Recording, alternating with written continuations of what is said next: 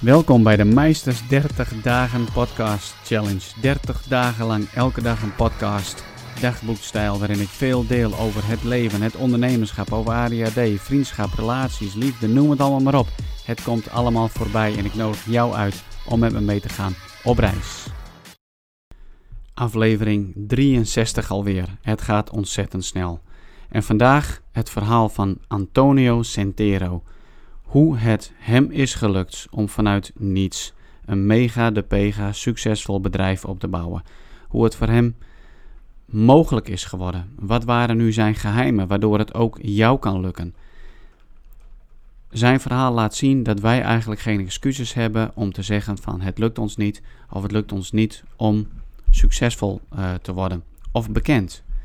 Hij wist van bepaalde ervaringen om die ervaringen om te gaan zetten in een business.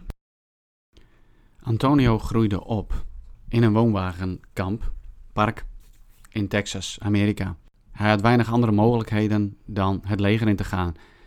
Dus Antonio besloot het leger in te gaan. Hij ging naar het Korps Mariniers, de American Marine Corps.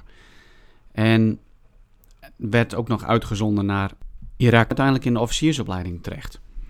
En hij kan zich nog heel goed herinneren hoe het voor hem was om van voor het allereerst zijn gala-uniform aan te doen. Misschien ken je dat wel. Het nette uniform van de Amerikaanse mariniers. Dat ziet er gewoon ontzettend strak eh, uit. Hè? Het zit er gewoon strak in de kleren en het is tip-top. Hij omschrijft dat het voor hem gewoon zo'n ontzettende geweldige ervaring was om dat uniform aan te hebben. En hij omschrijft dat er wat gebeurde met zijn houding en met zijn zelfvertrouwen. Ik bedoel, hij kwam uit een best wel een arme woonwagenpark en had zoiets van: ik heb geen echt vak geleerd, wat, wat moet ik nu? Onzeker, weinig zelfvertrouwen, komt bij de mariniers terecht en zijn eerste ervaring dat hij het uniform mag aantrekken en het doet wat met hem. Het verandert hem, het versterkt zeg maar zijn houding. Hij durft ergens voor te gaan staan. En hij merkt gewoon dat zijn zelfvertrouwen ongelooflijk toeneemt. Hij wordt uitgezonden naar uh, Irak. Hij doet zijn uh, tour of duty, zoals ze het daar noemen. En dat is uh, minimaal een jaar. Hij komt weer terug, hij, hij, dient zijn contract uit. En op een gegeven moment gaat hij eruit. En dan begint het leven in de burgermaatschappij. Maar ja, hij was niet opgeleid om een bepaald vak uit te oefenen. Dus hij besluit ook weer naar school te gaan. Gaat iets met ondernemerschap, gaat hij leren, met business. Maar goed, hij komt ergens aan het werk en na een paar maanden, nou ja, weet hij al, dit gaat hem niet worden. Zijn werkgever weet al, dit gaat hem niet worden. Antonio was gewoon niet in een hokje te stoppen. Hij was niet gewoon, zeg maar, dat hij in de pas ging lopen als een bepaalde werknemer. Hij leert een hartstikke leuk meisje kennen en hij besluit te gaan trouwen. En op zoek naar een trouwpak komt hij uiteindelijk bij een zaak en hij past een bepaald trouwpak. En wederom brengt het hem terug naar het moment dat hij zijn militaire uniform voor het eerst paste. En hij merkt weer: wauw, dit doet wat met mij. Ik merk het weer. Ik voel mezelf weer staan. Ik sta daar met trots. En ik voel mijn zelfvertrouwen, voel ik gewoon toenemen. Maar goed, het pak kostte 3000 dollar. Dat was iets wat hij niet kon betalen. Maar goed, Ehm, hij liet het er niet bij zitten, dus hij ging gewoon door en door, werk zoeken, het ene baantje naar het andere baantje. En toen bedacht hij zichzelf op een gegeven moment. Hij zegt: Wat laat mij niet los in mijn gedachten? Wat laat mij niet los in mijn dromen? En dat was zijn ervaringen met het pak. Dus bij de mariniers en later dat trouwpak. Het gevoel wat hem, um, ja, wat die pak zeg maar, wat het hem gaf. Zelfvertrouwen en zijn houding ja, dat groeide gewoon enorm.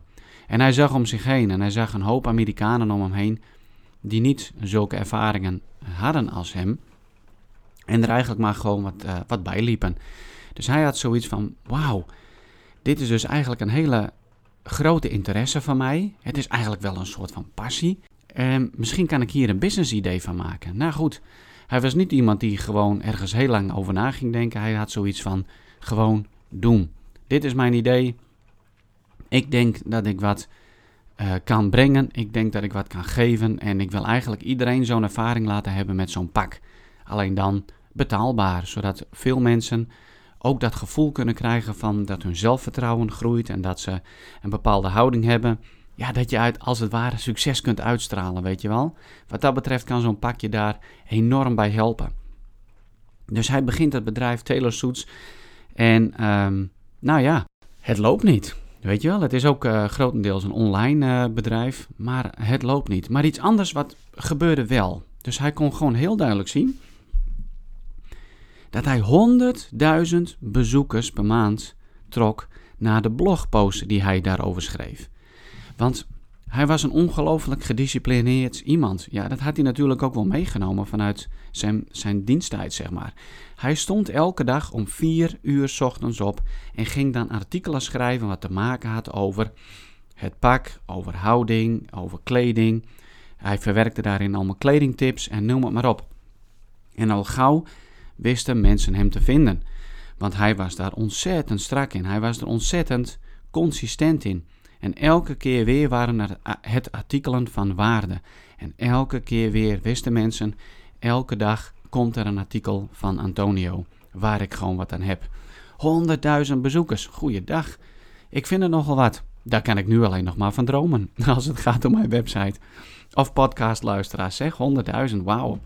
Dus hij merkte op een gegeven moment, hey, in, in mijn wereld, dus in de wereld van de mode, de fashion, kleding, merkte hij dat er ontzettend veel geschreven werd over het onderwerp. En dacht hij bij zichzelf: wat mist er nu nog eigenlijk? Nou, dat was video. Dus hij besluit om video's te gaan maken en daarin zijn adviezen te gaan verwerken. Dus hij schaft voor um, ehm, 2000 dollar schaft hij opnameapparatuur aan, een camera en noem het maar op. En hij besluit 200 video's te gaan maken, 200 dagen achter elkaar. Nou, dat is nogal, eens, dat is nogal wat commitment. En dan denk ik dat met elke dag een podcast voor 30 dagen lang een bepaalde commitment is en al veel vraagt. Laat staan 200 video's maken in 200 dagen.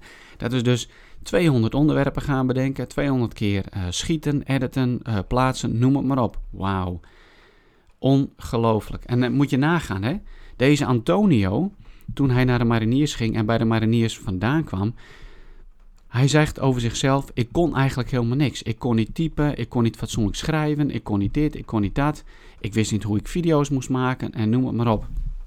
En de reden waarom ik ben begonnen, zegt hij, om 200 video's in 200 dagen te gaan maken, is dat van: Ik was zeg maar niet iemand in staat om een goede video te maken, maar ik weet als ik 200 dagen lang elke dag mijn best ga doen en ik maak 200 films, dan na 200 dagen kan ik zeggen: ik weet hoe een videofilm, hoe ik dat moet maken, hoe ik dat moet plaatsen, wat effectief is, wat werkt en noem het maar op. Dus hij ging gewoon die commitment gewoon aan. Hij accepteerde niet van hey, ik kan iets niet, dus laat maar. Ik weiger, zegt hij, om te kijken naar mijn achtergrond, waar ik vandaan kom en dan bij de pakken neer te gaan zitten van hé hey, ja, maar dit is het. Ik ben niet eens in staat om te typen of te schrijven of een film te maken.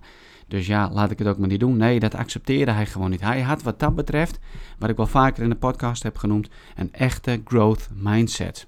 Super, super gaaf. Het gevolg daarvan is, is dat hij een mega, de pega, succesvol bedrijf uh, weet op te zetten. Hij wordt ook een YouTube-ster, uh, zeg maar. Hij wordt een auteur. En hij zet een eigen nationale stijlconferentie op in Amerika. Hij wordt gewoon the man.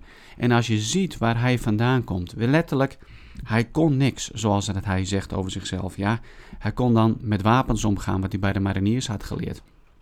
Maar goed, hij had natuurlijk veel meer dingen daar geleerd. Doorzetten, flexibel zijn, veerkracht uh, hebben ontwikkeld. En waarom ik dit verhaal vertel, het is eigenlijk ook een stukje inspiratie en motivatie voor mezelf. En ik had het er deze week met een coachcliënt ook over.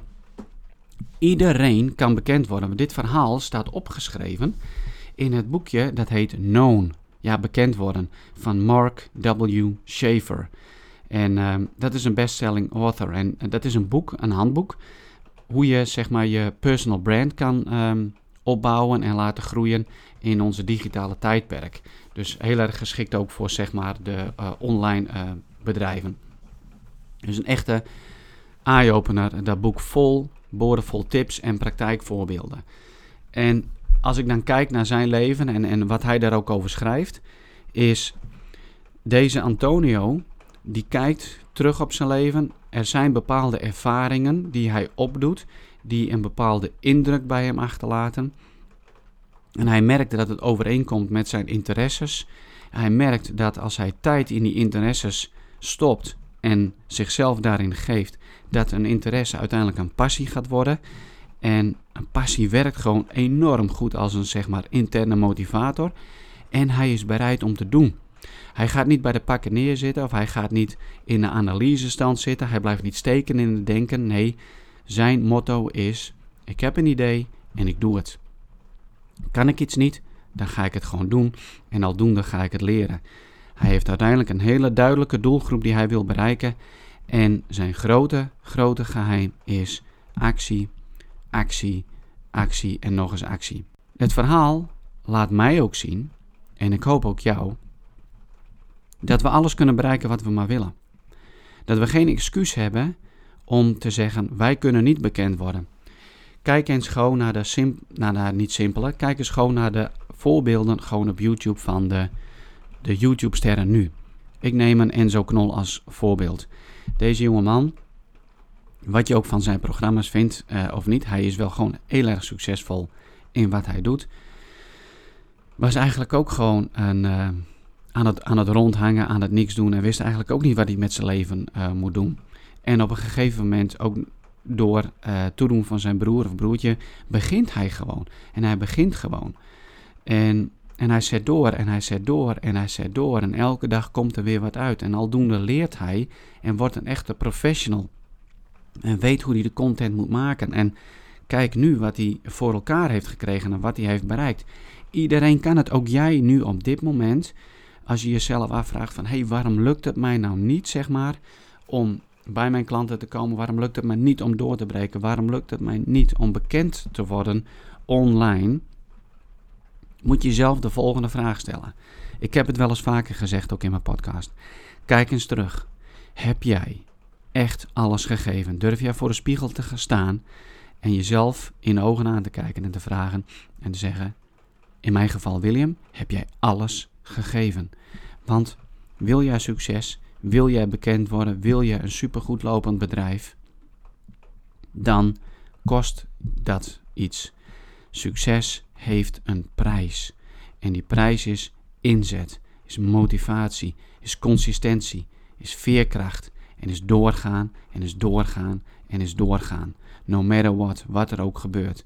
En als jij die dingen allemaal bij elkaar weet te brengen, terugkijkend op jouw ervaringen, jouw interesses, jouw passie.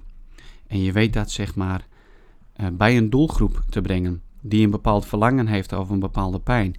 En je weet daarop elke dag weer actie te ondernemen. Ik bedoel, ik kijk naar hem en dan zie ik een tijdstip staan, vier uur s ochtends opstaan om artikelen te schrijven.